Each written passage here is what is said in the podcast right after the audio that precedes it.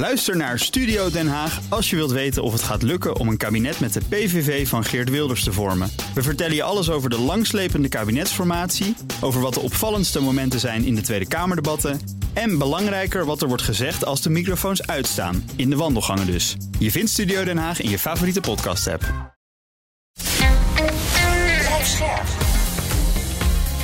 BNR Nieuwsradio. Napleiten.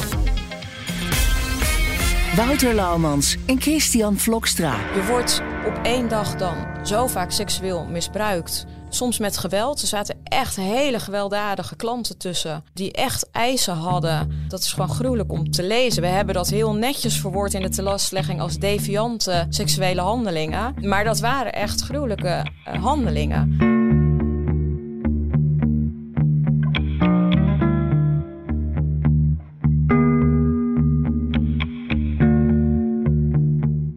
Hallo en welkom bij Napleiten, de podcast waarin we met advocaten en officieren van justitie praten over strafzaken die hen altijd zullen bijblijven.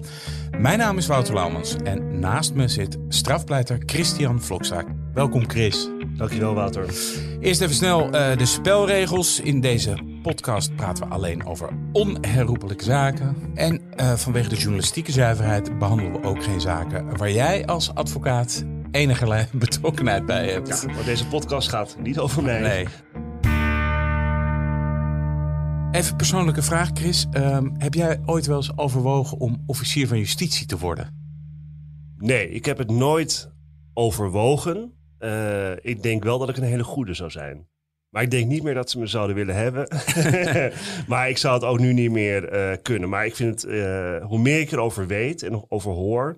en natuurlijk zie door ervaring... hoe interessanter ik dat vak eigenlijk wel vind. Ja, want jullie staan natuurlijk eigenlijk altijd een beetje tegenover elkaar. Maar jullie zijn niet elkaars vijanden, maar meer nee. elkaars tegenstanders. Of hoe moet ik dat zien? nou ja, we verdedigen uh, andere belangen, maar ook niet altijd overigens. Uh, maar zij, ja, het, het Openbaar Ministerie heeft natuurlijk een hele andere functie en een officier van justitie dan een advocaat. Ook al omdat een officier van justitie uh, meestal veel langer bij een zaak betrokken is dan een advocaat. Wij komen pas kijken op het moment dat de cliënt wordt aangehouden. En in een beetje zaak is dan de, de officier van justitie al een, een, tijdje bezig. Ja, de reden dat ik je dit vraag is omdat we vandaag, ja, vandaag is het eigenlijk een bijzondere dag voor napleiten. Ja. Uh, want voor het eerst uh, in, de, in de historie van dit programma schuift er een uh, officier van justitie aan. En dat is voor ons bijzonder. haar naam is Lies Visser. zij is officier van justitie in Noord-Holland. Van harte welkom, Lies. Dankjewel. Hoe lang, hoe lang werk jij al bij het Openbaar Ministerie? sinds 2008. Ik ben begonnen als buitenstaander. Dat betekent dat je al zoveel jaar juridische ervaring hebt. En dat je dan met een verkorte opleiding officier van justitie kon worden. En wat, wat sprak jou daar zo in aan om uh, officier te worden? Ik heb um, daarvoor bij Defensie gewerkt. Uh, en een van de functies die je als jurist bij Defensie kon doen was militair griffier bij de Militaire Kamer in Arnhem. En daar uh, kwam ik voor het eerst in aanraking met de rechtbank en, en het vak van officier van justitie. En dacht ik, ja, dat is mooi. Dat, dat wil ik hier nadoen. Waarom? En, omdat het, uh, het gaat om de maatschappij. Het gaat om uh, jij en ik. Het, het gaat om zaken die ons allemaal aangaat, die ons allemaal kunnen gebeuren. Je leest erover in de krant. Uh, het interesseert iedereen en het interesseerde dus ook mij. Uh, wie is de mens achter de verdachte? Wie is de mens achter het slachtoffer? Oh, mag ik dan ook vragen, want dan hè, kan je, heb je ook nog altijd onderscheid waarom dan bijvoorbeeld geen rechter worden in plaats van een officier van justitie? Ja, klopt. Um, omdat ik het wel heel erg mooi vind dat je als officier van justitie, je zei het al, betrokken bent vanaf de start van het onderzoek tot aan uh, de zaak in de rechtszaal. Ja. En ook dat, dat, dat voortraject, het opsporingsonderzoek, uh, vind ik echt een heel mooi aspect van, uh, van het vak. Ja, want eigenlijk is dat het onderscheid wel, denk ik, dat, dat is ook wel wat mij wel trekt aan het vak van officier van justitie. Niet het vervolgen, hè, waarbij ik dan zeg maar verdedig, ja. maar het opsporen. Ja. Eigenlijk gewoon de, de oude Derek, hè, Derek, zoals ik dat vroeger met mijn vader keek, het opsporen hè, van het ja. strafbare feit en wie is de dader, om het zo maar te zeggen. Ja, want ja. Dat, dat weten natuurlijk veel mensen niet. Een, een officier van justitie, die geeft echt leiding aan een onderzoek. Klopt, en je bent uh, inderdaad als officier van justitie dus echt betrokken bij de start. Soms als er geen verdachte is, soms als er wel een verdachte is, maar je echt met het politieteam keuzes gaat maken uh, wat ga je doen? Welke getuigen ga je horen? Welke opsporingsmiddelen gaan we inzetten? Welke zaken pak je überhaupt op? Uh, wat heeft prioriteit? En dat maakt, denk, vind ik in ieder geval, uh, het, het, vak van officier van justitie zo mooi. Ja, want dat, dat is natuurlijk voor de buitenwacht is het natuurlijk zo van, uh, hè Chris, er wordt iemand opgepakt, dan gaat er heel veel tijd overheen. Uh, dan zit iemand opeens uh, pardoes in de rechtszaal. En dan is er een officier van justitie uh, die een straf gaat eisen. En ja. daar zit natuurlijk van alles tussen, toch Lies? Ja, klopt. Um, en als officier ben je dan, als het je eigen onderzoeken zijn... Um, zoals in, in de zaak die we vandaag gaan bespreken, een mensenhandelzaak... ben je echt met dat politieteam al vanaf de start bezig om dat onderzoek inderdaad uh, in gang te zetten. Ja. Mag ik daar nog één vraag over stellen? Want ik weet dat zelf ook niet altijd. En ik denk zeker de mensen die, die luisteren ook niet. Uh, hoe dicht zit jij dan eigenlijk in algemene zin op zo'n onderzoek? Dus je, kijk, ja. formeel in de wet staat de officier van justitie leidt het opsporingsonderzoek. Uh, maar ik heb eigenlijk nooit, ja, we weten natuurlijk niet in de praktijk hoe, hè, bedoel, overleg je elke dag of hoe gaan ze hun eigen gang bij de politie en komen ze ja. op een gegeven moment bij jou? Hoe werkt dat? Kun je dat uitleggen? Um, voor mijn portefeuille mensenhandel, en dat geldt voor veel specialistische portefeuilles, uh, bijvoorbeeld ook zeden, uh, geldt dat je inderdaad heel veelvuldig contact hebt met de politie. Um, alle keuzes die je, uh, die je maakt, bespreek je. Dus je hebt, ik heb um, elke week contact met ze. bespreken we de zaken, bespreken we wat we gaan doen, wat we niet gaan doen, wat er speelt. Um, dus je bent samen eigenlijk met de politie betrokken bij dat onderzoek. Ja, en maak jij dan ook de keuzes? Bijvoorbeeld zeg maar, in jouw specialisme mensenhandel. Ik kan me zo voorstellen te ja. zeggen, nou, we hebben een aantal mensen misschien op het oog. Of een aantal hè, uh, feitencomplexen die, die verdacht zijn. Ben jij dan degene die ook de keuze maakt van daar gaan we op inzetten? Ja. Ja. Ja. Sa ja. ja. ja. Uh, uh, samen. Maar we, we bespreken bij mensen, mensenhandel zelfs al de signalen. Dus echt het kleinste signaal bespreken we. Zit daar wat in, ja of nee? Gaan we dat oppakken? Um, uh, als er wat in zit bij mensenhandel moet je wel, want uh, daar geldt een doorlaatverbod. Uh, ja. Dus slachtoffers mensenhandel. Ja, daar gaan we, doorlaatverbod. Ja, het doorlaatverbod. Wat is een doorlaatverbod? Nou ja, goed, eigenlijk weet het Openbaar Ministerie dat natuurlijk, of hè, uh, Lies weet dat beter dan ik, maar goed, heel simpel gezegd. Als je het fout zegt, moet je het ingrijpen. Zeker, zeker, zeker, ingrijpen. Ik laat me graag uh, geestelen door het Openbaar Ministerie, ook in het openbaar. Uh, nee, maar kijk, door, kijk, je kunt natuurlijk hebben dat je als uh, opsporing ziet dat er strafbare feiten gepleegd worden. Maar dat je nog niet genoeg bewijs hebt om meteen hè, de verdachte aan te pakken. En dat je eigenlijk meer tijd nodig hebt om die verdachte in beeld te krijgen. En ook het bewijs te verzamelen. Maar door de strafbare feiten door moeten gaan. Dus bijvoorbeeld een partij drugs die je laat Precies. doorgaan. Klopt. Om te kijken bij wie komt dat terecht. Kijk, ja. dat is natuurlijk een hele lastige afweging. Wij advocaten maken daar natuurlijk ook graag stampij over. Zeg ik ook eerlijk. Hè, op het moment dat, dat, dat justitie op een vroeg stadium al ziet van er gaat iets mis. Maar nog doorgaat met onderzoek. Waardoor de strafbare feiten zich opstapelen. Waardoor uiteindelijk de straf voor mijn cliënt hoger wordt. Ja. Ik zeg, ja, ja, hallo, leuk, maar jullie wisten het toen al. Alleen je kunt natuurlijk situaties hebben waarbij dat kan. Bijvoorbeeld met drugs, het gebeurt met wapens ook wel. Kijk, bij moord bijvoorbeeld natuurlijk niet. Hè. Bedoel, nee. Levenslicht geldt, dan moeten ze ingrijpen. En maar bij, bij mensenhandel is dat dus ook verboden? Klopt, uh, omdat mensenhandel zo, uh, zo'n inbreuk op de persoonlijke en lichamelijke integriteit maakt dat je... Um, je wil die slachtoffers zo snel mogelijk uit die benarde situatie halen. Uh, dat moet ook.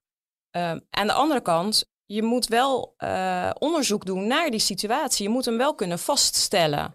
Alleen als je uh, er eenmaal um, echt een ernst, eh, ernstig vermoeden hebt dat er slachtoffers zijn, en zeker met minderjarigen, en dat is ook in het geval van de zaak die vandaag ja. aan de orde is, uh, was een minderjarig slachtoffer, um, dan wil je gewoon zo snel mogelijk ingrijpen. En, het, en uh, inderdaad de, de minderjarigen, maar ook de meerderjarigen uit die situatie halen. Ja. Laten we naar de zaak van vandaag. Hij, hij is al een beetje uh, ter sprake gekomen. Die begint op 6 april 2017 en eigenlijk begint hij heel simpel bij een controle van prostituees. Als, als, ik het verkeerd zeg, Lies Scherp, alsjeblieft Klopt. in. Legt, wordt een, een van de, de, de sekswerksters, die wordt ondervraagd door de politie, toch? Klopt. Um, de politie en gemeenten doen prostitutiecontroles. Um, en gaan op basis van bijvoorbeeld advertenties controleren of de vergunningen in orde zijn. En op die manier kwamen ze in aanraking met een prostituee die werd gecontroleerd en die gaf aan, nu jullie hier toch zijn, ik heb informatie voor jullie. En daarmee begon. En wat vertelde ze eigenlijk? En die informatie betrof ehm, dat zij weet had van een minderjarige die uh, op een adres in de prostitutie werkte. Oké, en hoe komt dat dan vervolgens bij jou terecht? Gaat het gewoon, uh, wordt er dan een melding gemaakt en gaat er, dat, ik neem aan dat bij minderjarigen die in de prostitutie werken, dat alle toeters en bellen afgaan. Klopt. En in dit geval um, is die prostituee uitgenodigd voor een verhoor, een getuigenverhoor. Um, omdat ze dan uh, omdat het verhoor opgenomen kan worden. Niet alleen uh, dat gesprek in de woning plaatsvindt, maar dat ze echt als getuige gehoord wordt. Waarbij dan hele specifieke informatie gevraagd wordt naar de verdachte, naar de woning, het adres. Um, uh, wat weet je van haar? wie betreft het? En op basis daarvan, dat signaal komt dan ook bij mij als officier, dat bespreken we. en dan wordt het onderzoek gestart. Dat is eigenlijk dus, ja, zoals wij dat noemen, hè, de startinformatie dan Klopt. van onderzoek begint eigenlijk bij die controle en die ja. getuigenverklaring die vervolgens wordt afgelegd. Klopt. Ja. En, en je wil uh, die startinformatie, uh, die wil je zo snel mogelijk opplussen, inderdaad. Ja. Opplussen. Dat betekent? Ja. Eigenlijk moet ik bellen, hè? Maar... Nou ja, maar leg het alsjeblieft zelf uit. Ja, je, um, uh, iemand kan een verhaal vertellen. het kan waar zijn, het kan niet waar zijn. En je wil dus plusjes krijgen voor het scenario dat het verhaal waar is. Ja. Um, maar dat geeft voldoende grond om... Om in te grijpen, inderdaad, ja. ja. Oké, okay, en, ja. en, en, dat gebeurde dus in dit geval? En dat gebeurde in dit geval. Deze prostituee gaf ook uh, namen van andere volwassen vrouwen die in die woning aan het werk zijn. Uh, daar, die konden we benaderen, die andere vrouwen. Die andere vrouw uh, wilde wel aangifte doen ook. Was ook slachtoffer van, van deze man. Um, en uh, op basis uh, daarvan konden we echt een, een, goed onderzoek starten. Want um, de, was slachtoffer van deze man. Ja. Het zou gaan dus om gedwongen prostitutie. Ja, de, wat dat betreft een ingewikkelde zaak, omdat er heel veel in zit. Ja. Uh, de startinformatie was, er is een minderjarige die daar aan het werken is. Ja. Uh, en er is ook een andere vrouw die daar aan het werken is en zij wordt mishandeld. En die andere vrouw, die mishandelde vrouw, die hebben we benaderd. En zij zegt, nou ik ben blij dat jullie uh, met mij komen praten. Ik wil daar inderdaad aangifte van doen. Ik wil aangifte doen van mensenhandel. En ik ben ook getuige geweest uh, dat daar inderdaad een minderjarige heeft gewerkt. Oh. Mensenhandelzaken, dat zijn natuurlijk altijd lastige zaken, lijkt mij. Ja. Jij bent mensenhandelofficier, daarvoor ja. was je uh, zedenofficier. Klopt. Dat zijn volgens mij, uh, is dat een, een, uh, ja, een, hoe zeg je dat, een specialisatie waar je voor je wel enige eelt op je ziel nodig hebt, denk ik zo? Ja, voor beide inderdaad. Ja, je, je, je, je ziet soms gruwelijke dingen voorbij komen met zeden natuurlijk, maar Ja. ook met mensenhandel. En um, misschien is het goed om, om aan te geven wat mensenhandel überhaupt inhoudt. Ja. Um, mensenhandel is um, eigenlijk kan je zeggen moderne slavernij. Je dwingt iemand tot het verrichten van diensten om er zelf beter van te worden. Dus het gaat om uh, de uitbuiting van een ander. En is dat altijd seksueel of is dat kan Nee. het ook iemand zijn die, uh, weet ik veel, voor Je je, in de tuin laat werken? Ja, je hebt verschillende vormen. Arbeidsuitbuiting inderdaad. Denk aan uh, de misstanden in de vleesindustrie die nu uh, in de media bijvoorbeeld uh, staan. Um, Koks in Chinese restaurants. koks in de Chinese restaurants. Uh, au pairs die worden uitgebuit uh, um, in gezinnen. Uh, Ja. Kan ook uh, mensenhandel zijn.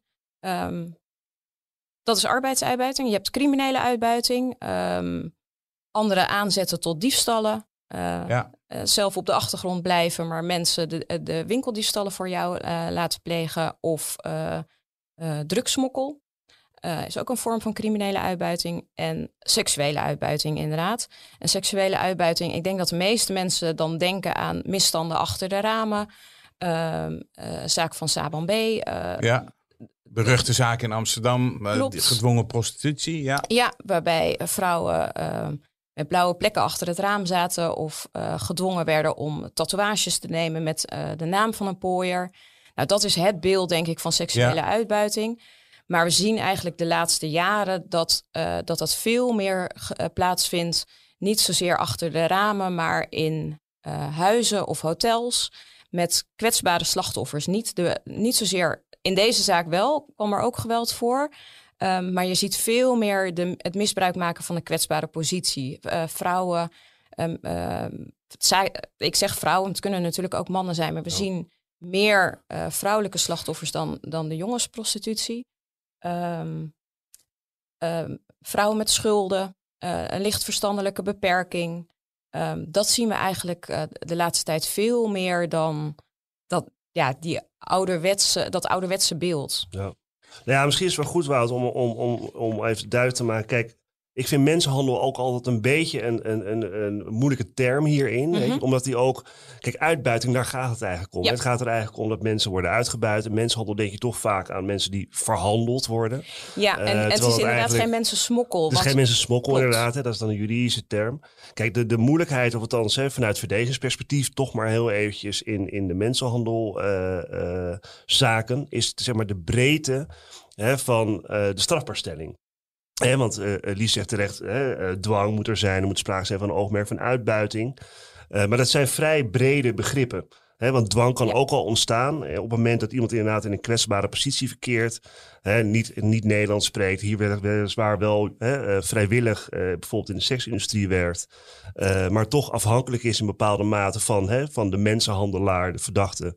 Ja. Die haar bijvoorbeeld eh, helpt bij onderdak en een vergoeding voor vraagt. Nou, er zijn maar je hebt ook mensen die gewoon ja, sekswerkers rondrijden.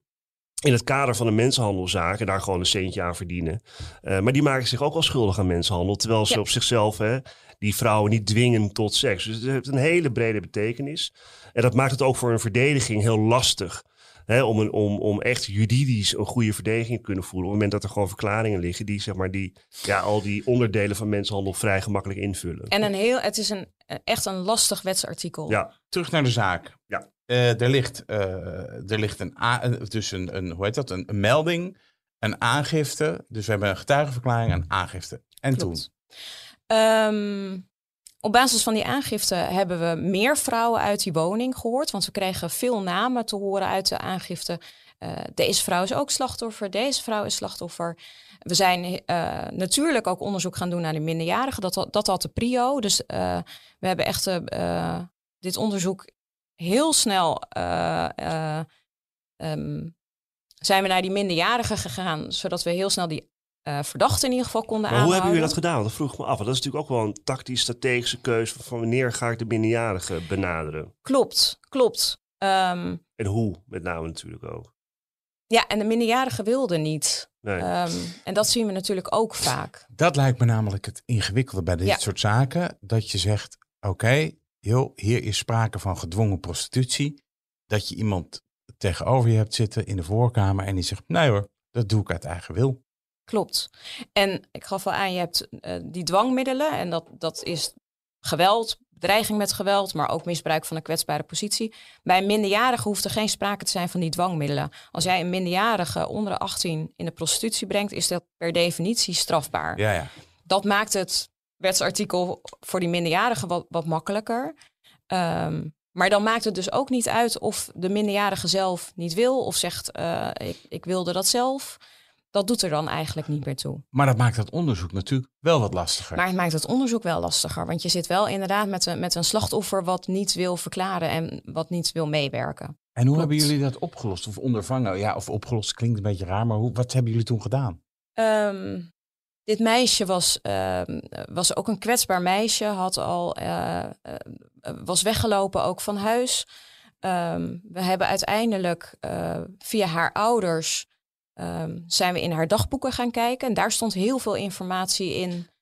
Zij had wel alles zelf opgeschreven. En mag dat zo? Ja, dat, dat, je zegt via haar ouders, dus dan ga je toestemming vragen aan haar ouders. Maar dat lijkt me, het is toch best ingrijpend om in iemands dagboeken te gaan kijken. Klopt, klopt. En dat dagboek is in een ander kader in beslag genomen, omdat zij vermist was. Dus wij, wij eh, ehm, we hebben uiteindelijk, ehm, omdat we ons ook echt zorgen maakten om dat meisje.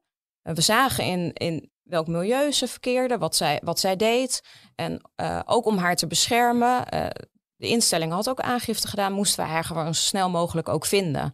En toen zijn we op haar kamer gaan kijken, althans we, de politie. Eh, en hebben we dat dagboek in beslag genomen. Ook op basis van de politiewet, om dat meisje zo snel mogelijk dus eh, weer boven water te krijgen. Maar vergeet niet, Wout. Ik bedoel, eh, de wet, het wetboek van strafvordering is daarin heel simpel. Is dat in principe eh, in het kader van een lopend opsporingsonderzoek en een serieuze verdenking. eh, de politie in beslag mag nemen al hetgeen voor de waarheidsvinding dienend kan zijn. Ja. Dus ook eh, dagboeken. Ja, misschien ben ik Ja. dan naïef omdat zij toch gezien wordt als slachtoffer. Kijk, Ja, dat je dat doet uit. van bij een verdachte, begrijp Ja. ik. Maar eh, bij maar dat, maar dat, dat, die, die fout Ja. maken mensen wel meer. Ook bijvoorbeeld met tappen. Hè? Dat ze denken, ja, alleen een verdachte mag getapt worden. Er mag alleen onder een verdachte mag er in beslag genomen worden. Helemaal niet. Op het moment dat er, dat er een stuk is, wat, wat kan zelfs onder, nou niet onder mij is lastig, want ik ben advocaat. Maar hè, de- wat onder een derde ligt, maar wat wel kan dienen voor de waarheidsvinding. En je hebt daar redenen toe dat het kan dienen voor de waarheidsvinding.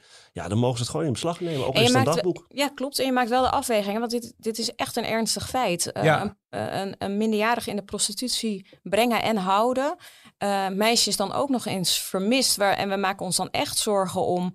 Is er mogelijk in de hand van, eh, handen van andere pooiers? Eh, wat, wat, wat gebeurt er nu met Ja. haar?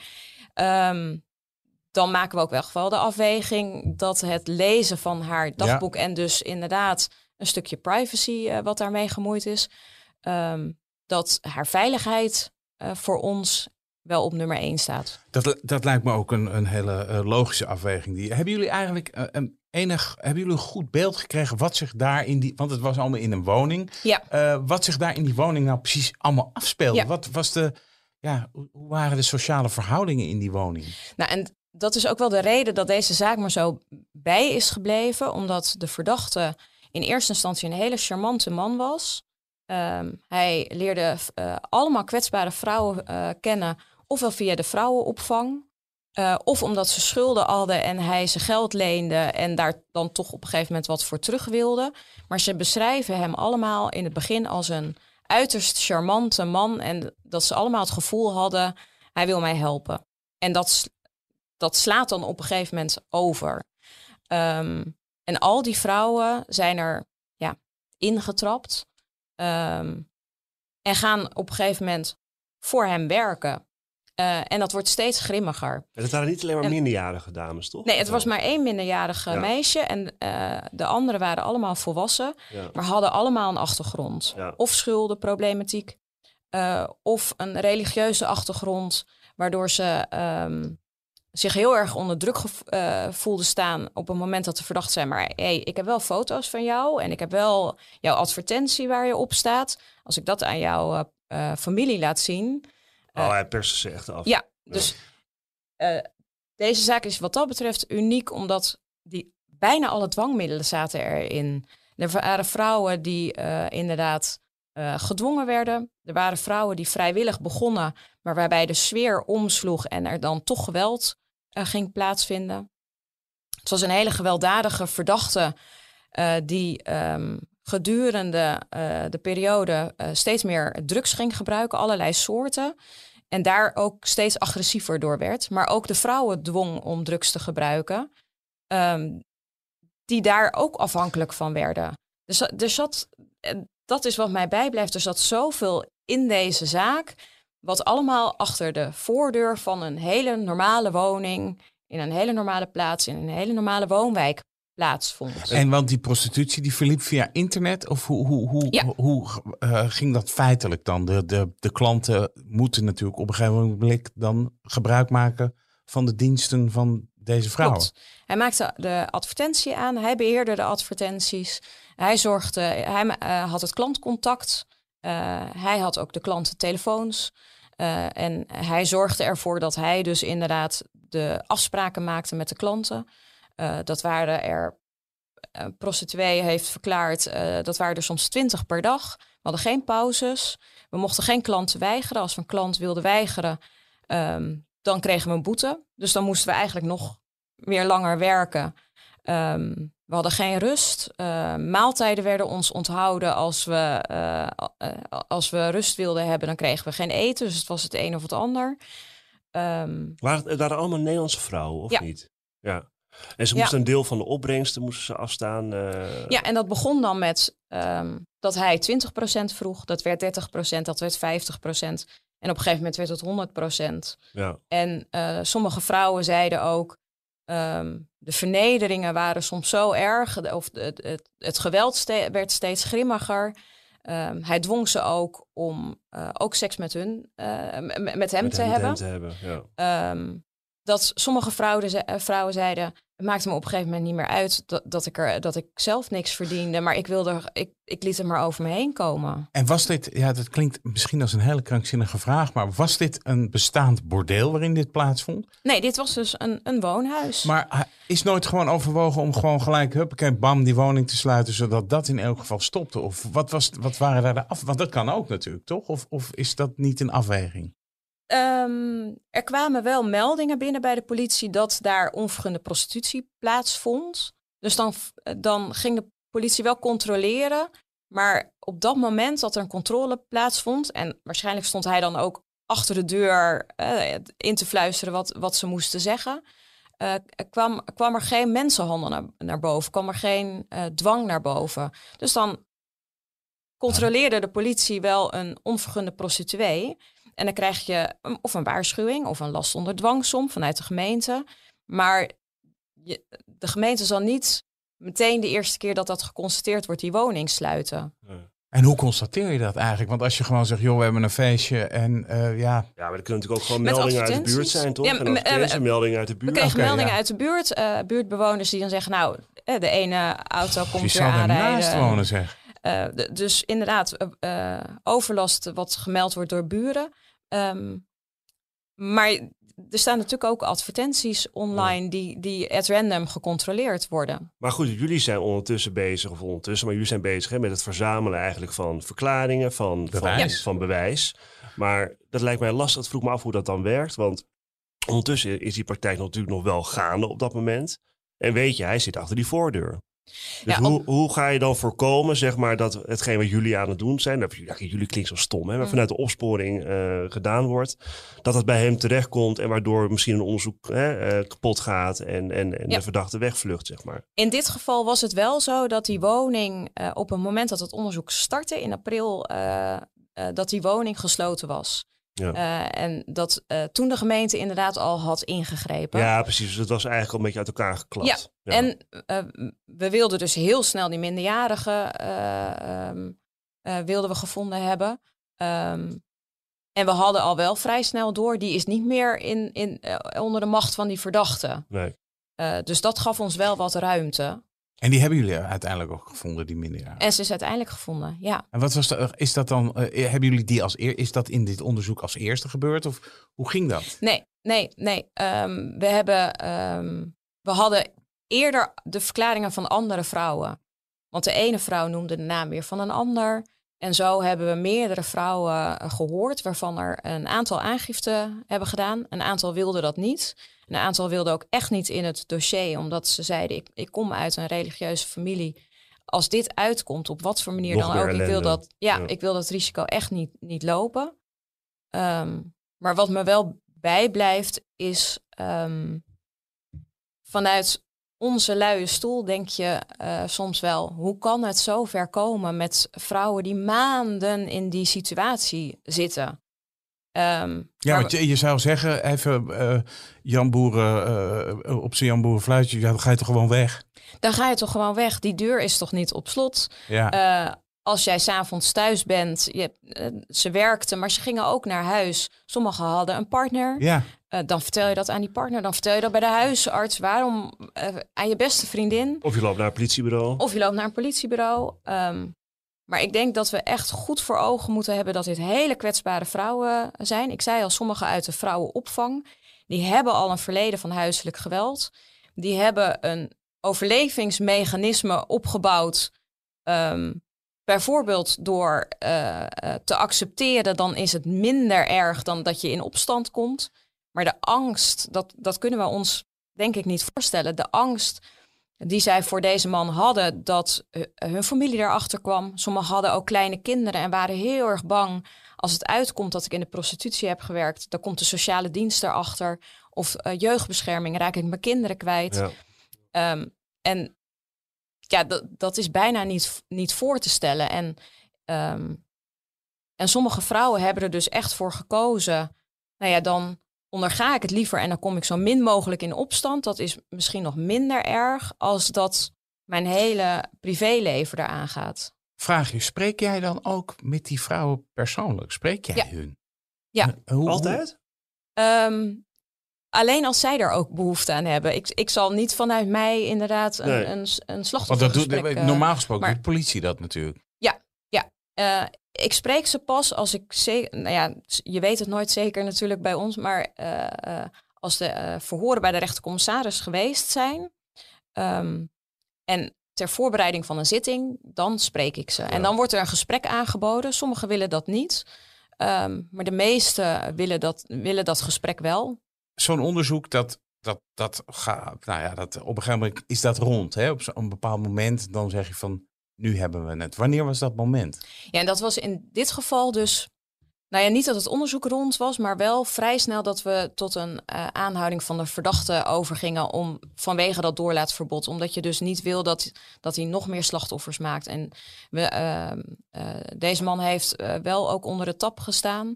En we hoorden ook dat hij eh, toch bezig bleef met ronselen. Dus we wilden hem gewoon zo snel mogelijk eh, Ja, binnen terwijl die halen. werd afgeluisterd, was hij Ja. eh, aan het eh, Ja. nieuwe, nieuwe dames Nieuwe- aan het precies. zoeken. Maar kijk, jullie hebben natuurlijk ook niks aan om iemand aan te houden die na drie dagen hè, of na, door de Nee. commissaris wordt vrijgelaten. Dus hè, de afweging is natuurlijk ook, heb ik voldoende om Dus- deze man dus- lange tijd vast te Ja. houden? Dus je, je, ehm, op basis van de, eh, eh, van de aangiftes die we op dat moment hadden, dat waren er meerdere, ehm, hebben we inderdaad er toen voor gekozen. Nou, ik heb nu genoeg. Als hij nu wordt voorgeleid, dan wordt hij wel ge- eh, gehouden. En dat is dan ook het moment dat je iemand eigenlijk zo snel mogelijk wel wil, eh, wil laten Ja. aanhouden. En in dit geval inderdaad hadden we meerdere vrouwen ehm, die elkaars eh, aangifte ondersteunden. Maar ook ehm, een prostituee die foto's had van, van letsel. Die was Ja. in haar neus gebeten. Die had echt een flinke wond ook. Dan hadden we de getuigenverklaring. Door de voor verdachte? door de verdachte. Andere getuigenverklaring van de, pros- eh, van de prostituee die dat had gezien. Maar zij had ook de foto's van het letsel. Nou, dan, dan, dan kom Ja. je er met dat eh, ge- geweld inderdaad eh, eh, wel. Eh, maar we, ja. kijken ook altijd naar de alternatieve scenario's. Hebben Dat we bijvoorbeeld in dit geval aanleiding om te denken dat het een wraakactie was? Want dat was zijn verhaal. Zijn verhaal was, ze keren zich allemaal tegen mij. Ik heb met meerdere vrouwen eh, een, zoals hij het noemde, een relatie. Hij had met alle vrouwen ook een seksueel eh, contact. Ehm, de vrouwen zeiden onvrijwillig. Hij zei wel nee, dat was vrijwillig. Maar op een gegeven moment wisten ze dat van elkaar. En nu keren ze zich tegen mij. Dat is, Ehm, dat is natuurlijk ook het complexe in zo'n zaak. Dat eh, je natuurlijk ook wel eens hebt dat slachtoffers tegelijkertijd misschien wel daders zijn of, of, of verdachten. Dat was in Ja, deze zaak dat, ook zo. dat was in dit geval de, de ehm, eerste prostituee die aangifte deed. Ehm, die is vrijwillig begonnen met werk. Ehm, dat zei ze ook. In, in het begin deed ik dat vrijwillig en hadden we, had ik een afspraak daarover met, met de eh, verdachte. En daar kwamen steeds meer vrouwen. Hij ronselde telkens weer andere vrouwen en speelde die vrouwen tegen elkaar uit ook. En Vrouwen die andere vrouwen ronselen, dat kom je ook nog wel eens tegen. dat gebeurde in de- deze zaak niet. Maar wat wel gebeurde was dat zij ook de advertentie van een andere vrouw bijvoorbeeld, ehm, eh, dat ze die beheerde. Of Ja. dat ze het geld aannam van een klant van de andere prostituee. En zij zei daarover. eh, en, ze, en ze kon ook heel gemeen zijn. En dat, dat, daar was ook aangifte van gedaan. Ehm, ze zeiden, ja, die eerste vrouw, noem ik haar maar Ja. even. Eh, die was ook heel gemeen tegen ons. En die snauwde ons ook af. En Ja. wij waren voor haar ook een voetveeg. En zij heeft daar, zij, we hebben haar ook als verdachte gehoord. En zij zei, dat deed ik. Ehm, enerzijds om mezelf een beetje uit de wind te houden. Eh, Want als, Ja. als het zich op een ander richt, dan ben ik het niet. Maar ook, ik wilde ze, ehm, ik wilde ze afschrikken. Als ze dan niet bang waren voor die verdachte, misschien werden ze dan wel bang voor mij. En, en kwamen ze niet meer. Maar ja, goed, los, los, los daarvan, het kan natuurlijk ook naast elkaar bestaan. Hè? Je, Ja, je nee, maar kunt zelf me- slachtoffer zijn en vervolgens zelf ook weer dader Dat zijn. begrijp Ik bedoel, Maar ja, het, lijkt me, dat- het lijkt me dus, eh, wat mij dus eventjes best wel eh, heftig lijkt, is dat jij dus zegt van, hé, hey, ik doe aangifte, ik stel dit aan de kaak. En eh, als dank eh, word ik nu aangemerkt als verdachte. Wat is dit nou zeg? Ik, sna- ik, sna- ik snap dat je dan verontwaardigd in zo'n Ja, voorkamer maar zit. ja, als de waarheid daartoe leidt, het is geen handje klappen. En zij wordt er dan dus inderdaad ook wel als verdachte gehoord. Ehm, sterker nog, we hebben haar ook vervolgd. Ehm, Vind je dat dan moeilijk? Of heb- Ja. voel jij dat niet zo van, joh, door haar hebben we eigenlijk deze zaak, zijn we dit op het spoor Ja. gekomen, maar nu ben ik aan het vervolgen. eh, Of het ik- OM, hè, moet ik dan Ja. zeggen. Sorry, het is niet persoonlijk. de- Ja. Het, Ja. het een en ondeelbare magistratelijke OM. Ja, eh, daar praat je wel over met, met, met, met je politieteam, maar ook met, met andere eh, collega's, andere mensenhandelofficieren. Ehm, maar er lag een aangifte en die verdachte was daar ook fel op. Van ja, maar het is, het is haar schuld. Ik ben niet de verdachte, zij is de verdachte. Eh, en dan maak je op een gegeven moment de keuze. ehm, ik wil ook dat de rechter daar dan naar kijkt en daar een oordeel over velt. En we kennen het zogenaamde non-punishment beginsel.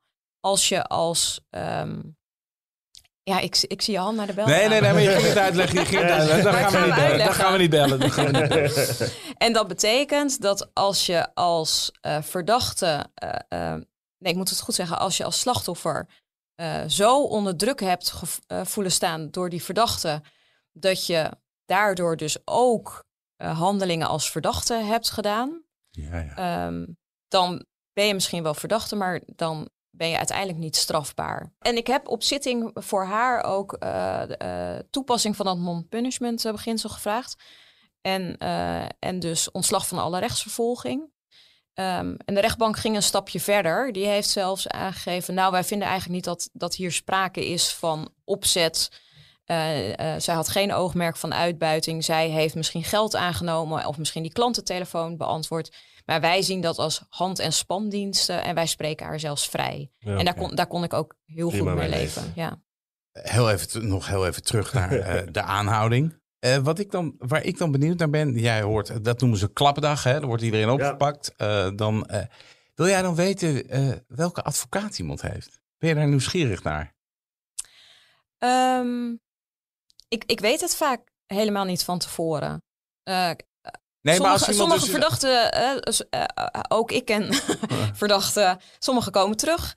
Dat zie je in mensenhandel overigens niet zo heel veel. Ehm, maar ehm, ja, natuurlijk hebben we bij ons ook verdachten die je een keer eerder hebt gehad in een onderzoek of wiens naam je kent en waarvan je dan ook weet dat hij een voorkeursadvocaat heeft. Ehm, maar soms weet je het ook gewoon niet en komt er een piketadvocaat en dat was in dit geval zo. Ja, ja, maar je hoeft, jij wil- hoeft dus niet te, te weten tegenover wie ik eh, sta ik straks in die, in die, in die zittingszaal. Dat, vind je, dat is voor jou is dat niet een, een ding of zo. Nee, Oh. nee, nee. Grappig. Maar sowieso even die klapdag, hè? Want ik bedoel, eh, eh, is dat ja, misschien is, is het in sommige gevallen spannender dan in andere gevallen.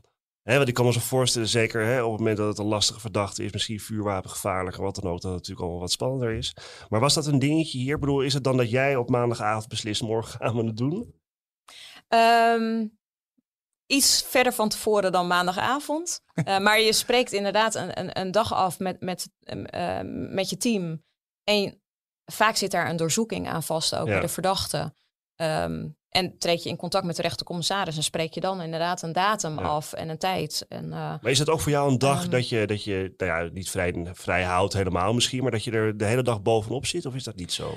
je houdt er rekening mee. Ehm, maar het, het, het, de politie heeft het grootste werk die dag. Ja. Eh, als ik meega naar een doorzoeking, ben ik erbij met de rechtercommissaris. Maak je ter plekke misschien ook keuzes dat wel in beslag nemen, dat niet. Ehm, maar die eerste drie dagen zijn dan, is dan voornamelijk de politie aan zet met de verhoren. Ja, Ehm, en hou je al wel rekening, maar dat, dat, dat is niet meer alleen die laatste week. Waar ga ik voor? Ja. Wat ga ik op de vordering eh, zetten voor de rechtercommissaris? Maar daar heb je in dit soort onderzoeken al lang over nagedacht. Ja. Welk feit je erop gaat zetten en, en eh, hoe die vordering gaat luiden. En dan wordt hij inderdaad aangehouden. En wat Wouter, zegt, hè, dan komt er ook een advocaat bij. Nou, ik kan me ook zo Ja. voorstellen dat in heel veel zaken jullie totaal niet boeit welke advocaat er zit. Eh, misschien in andere zaken wel. Ehm, eh, en de eerste confrontatie met die advocaat voor jou is meestal bij een raadkamer. Ja, of als de advocaat contact opneemt, bijvoorbeeld er zitten beperkingen op. Ja. Hoe lang gaat dat duren? Eh, mijn cliënt wil wel eh, m- m- met eh, s- eh, ouders of eh, eh, kinderen contact hebben. Ehm, mag hij wel bellen naar zijn werk dat hij niet komt? Dat soort dingen. Ja. Ehm, dus dat zijn vaak de eerste contacten, inderdaad. Ja, In deze zaak, hè, eh, 19 april was volgens mij 19 april 2019 2019 was de zitting. Eh, 2018. De Sorry. feiten waren van tweede, of, hij is in 2017 aangehouden, Ja. inderdaad. En een jaar later hadden we de inhoudelijke zitting. En toen waren alle verhoren bij de rechtercommissaris ook En hij geweest. heeft al die tijd vastgezeten al. En hij heeft al die tijd vastgezeten. Ja. En hoe heb jij je op die zitting voorbereid? Wat, wist, je al, wist je al gelijk wat je zou gaan doen? Of is dat dan op het laatste moment nog dat je denkt, nou, dit toch wel, dat toch niet? Dit was een, eh, eh, verdachte eh, die ook eh, in de Pieterbaan kliniek geobserveerd is. Een verdachte met een verleden ook, waarbij ik heel goed onderzoek wilde laten doen naar heeft hij een psychische stoornis? Ehm, hoe zit het met zijn geestesvermogen? Dat heeft hij geweigerd. Althans, hij heeft zijn medewerking eh, geweigerd. Ook hij is uiteindelijk wel naar de Pieterbaan gegaan om geobserveerd te worden. Maar daar heeft hij vrijwel de hele tijd in zijn kamer gezeten. Wilde hij echt niet meewerken. Dat hoor je best wel vaker, dat mensen niet, Ja. eh, hè, niet willen, eh, geestelijk willen onderzocht worden. Nee, ja, dat komt omdat natuurlijk, hè, dat is gewoon... De angst voor TBS? Ja, de angst voor TBS en dan niet eens voor TBS aan zich, maar het feit dat er in, aan TBS op zichzelf niet een, een, een, een vaststelbaar en voorspelbaar einde zit.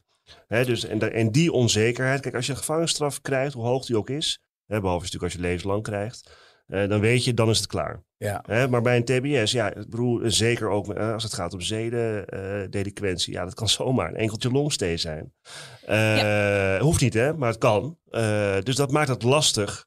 Kijk, het is ook voor een advocaat heel lastig. Hè? Ik bedoel, het is voor een advocaat heel lastig om te zeggen tegen iemand: Nou, werk maar mee. Eh, terwijl je niet helemaal, ook niet weet, omdat je die, die verdachte ook niet goed ken- kent en überhaupt zelf ook niet de kennis hebt daarvan.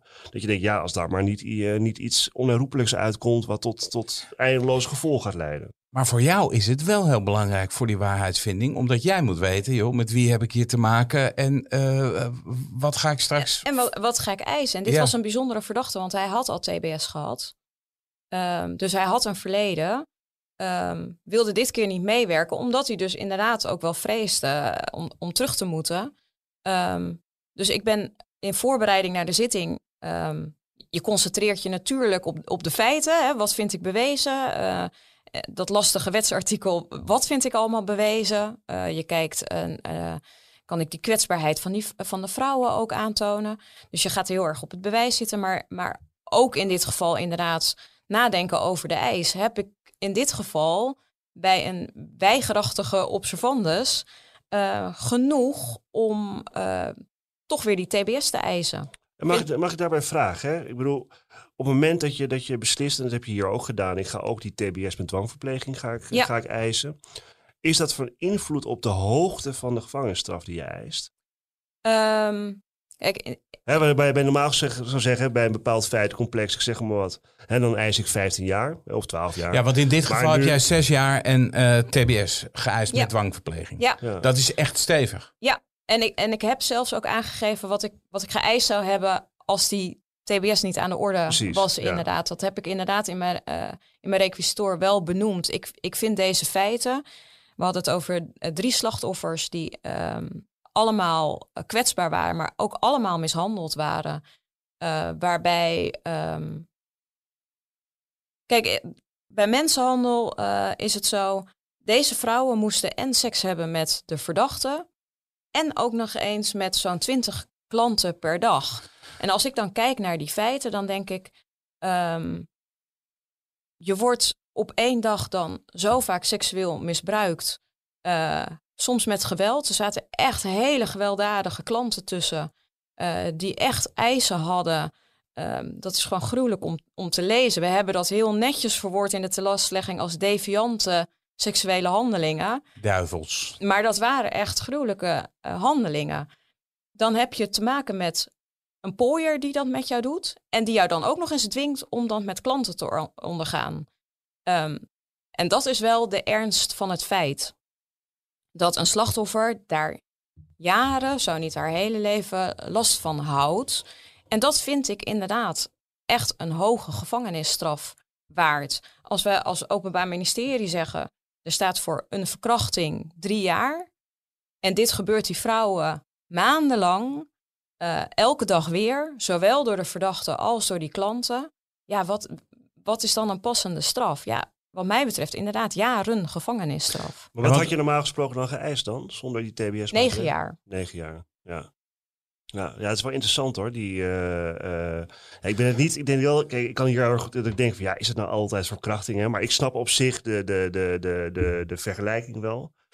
Ehm, En het is geen verkrachting. Nee. Maar ik vind, ik Ja. vind, als je kijkt naar wat doet dit met een slachtoffer, ja. ehm, da- dan is dat wel echt eh En misschien heel ook wel erg. goed Maar, merk- ja. maar, maar merkte je dat ook aan eh, de gesprekken met hun? Dat zij echt zwaar getra... ge- eh, Want ze waren natuurlijk Ja. al beschadigd eigenlijk, hè, voordat Ja. ze dit moesten ondergaan. En echt letterlijk eh, eh, inbreuk op persoonlijke en, en lichamelijke integriteit. Echt vrouwen die lichamelijke klachten houden vanwege al die Ja. vreselijke handelingen die ze hebben moeten Echt ondergaan. grijzelijk. De rechtbank, de rechtbank veroordeelde hem tot 3,5 jaar cel en TBS met dwangverpleging. Klopt. En kon jij daarmee leven?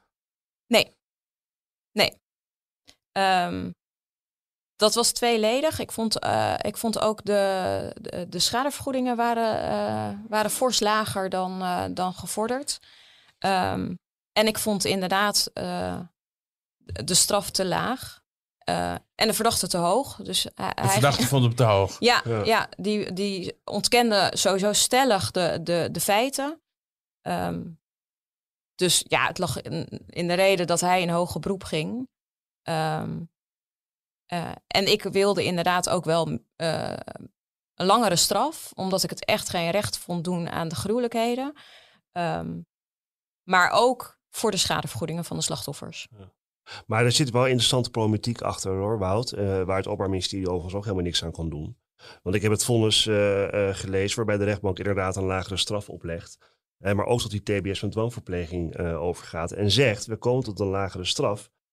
mede omdat wij vinden dat er eerder een aanval moet worden gemaakt met die Ja. TBS-maatregel. Ja. Kijk, en daar zit een beetje een probleem. Kijk, vroeger had je de zogenaamde Fokkens-aanwijzing, als ik het goed zeg. Kijk, het, het raar is natuurlijk op het moment dat je iemand een TBS-maatregel oplegt met dwangverpleging, dan zeg je die moet behandeld worden. Maar diegene heeft tegelijkertijd ernstige strafbare feiten gepleegd, is niet volledig ontoerekeningsvatbaar verklaard. Dus je kunt een gevangenisstraf opleggen en een TBS-maatregel. Maar het is een beetje vreemd, enigszins, hè, vanuit een bepaald perspectief, om mensen eerst tien jaar in de bijs te laten zeggen, bewijzen, te laten En dan zitten. pas te gaan En behandelen. dan te pas behandelen. Ja. En vroeger had je de aanwijzing die gegeven kon worden, door een rechtbank ook. Die, die behandeling moet eigenlijk, die moet bijvoorbeeld na twee jaar al starten. En dan deed iemand eerst een behandeling. En als hij dan klaar was, ja, dan was er nog een strafrestant. Hè, waar die gewoon moest uitzitten, hè, eh, gelet op de straf die opgelegd was. En dat is niet meer zo. Nee. Dus het is, Maar dat is best wel dat raar, is want je zou zeggen eerst de. TBS en dan je straf. Of is dat, is dat ook weer te ja, het is moeizaam. Het is heel Dat, lastig. dat is precies, want je weet het einde van die TBS ni- niet. En in de praktijk bleek het dan, ja, dan ging het eigenlijk soms zo goed. Ja, dan moet hij nog opeens Ja, weer drie jaar zitten. dat. En dat voelde Ja, dan ook weer. dilemma Ja. wat dat betreft. Ja, Ja. Ja. dat is een heel lastig dilemma. En de, de rechtbank zie je in de strafmotivering niet zozeer dat ze zeggen, nou, hè, die, die eis van, eh, van mevrouw Visser van het Openbaar Ministerie is krankzinnig. Helemaal niet. Alleen ze zeggen, hè, het is, ja, die TBS-maatregel vinden wij dat hij dat die eerder moet aanvangen. Dus leggen we een lagere gevangenisstraf op. Klopt. En het lastige in deze zaak was ook, omdat hij dus niet heeft meegewerkt, dat die mate van toerekeningsvatbaarheid, ehm, die, kan dus, die is niet door de Nee. deskundige vastgesteld. Zo. Ja. Toen ging je nog, mochten jullie nog een rondje dus. Ja. Ja, want ja, het, en is zo'n hoger beroep voor jou dan eh, anders? Of eh, eh, pak je dan op een gegeven moment gewoon weer eens het dossier uit de kast, dan blaas je het stof eraf en dan zeg je zo, dan gaan we gewoon nog een keer eh, precies overdoen? Of- Nou, dat doe ik niet, dat doet de advocaat-generaal. Sorry, excuus. Ja. Ja, Nee, ja, maar het kan wel, hè? Ja. Ja, het, het kan, het gebeurt Het wel eens dat officieren meegaan met het hoge beroep. In dit geval deed de advocaat-generaal. het, In dit ja. geval deed inderdaad een collega. En daar heb je wel nauw contact mee. Je hebt Ja. een warme overdracht waarbij je inderdaad de- ins en outs en, en de let-ops eh, met elkaar deelt.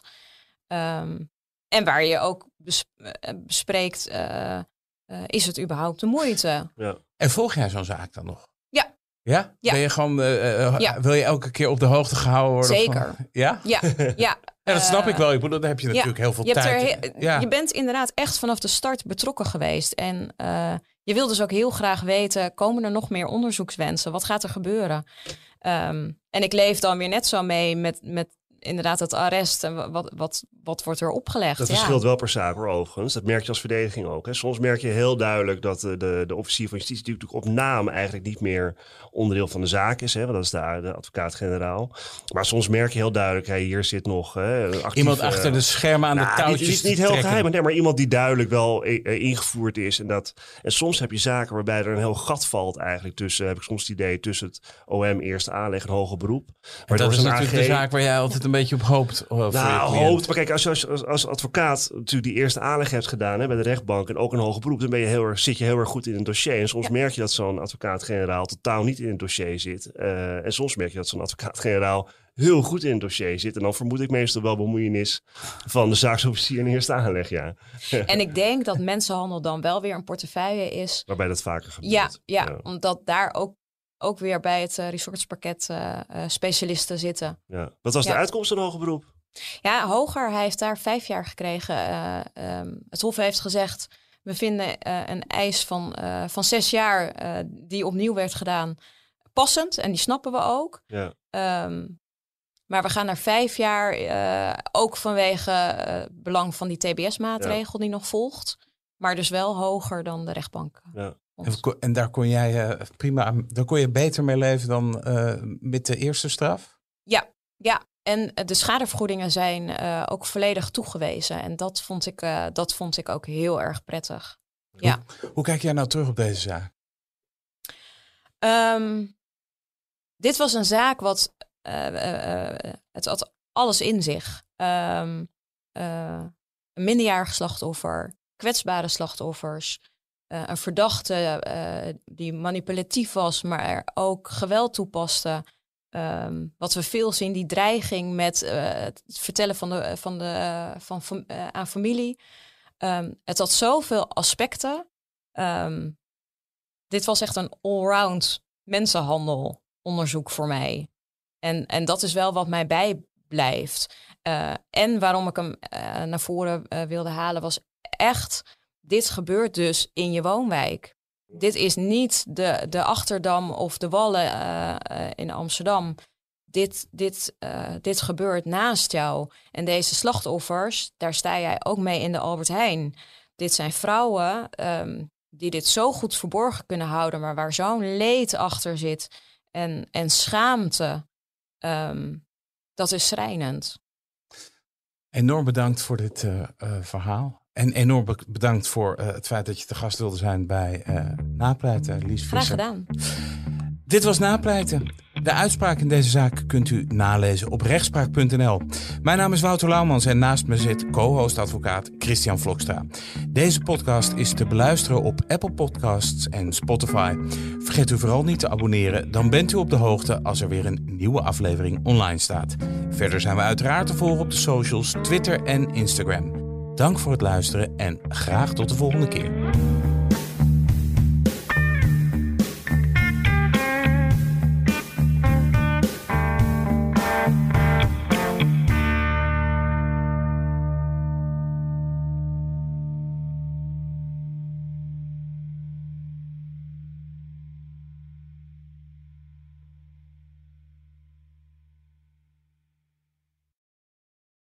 Ook Thomas van Zeil vind je in de BNR-app. Je kunt live naar mij luisteren in Zaken doen, de BNR-app met breaking news, het laatste zakelijke nieuws en je vindt er alle BNR-podcasts, bijvoorbeeld Het Nieuwe Geld. Download nu de gratis BNR-app en blijf scherp.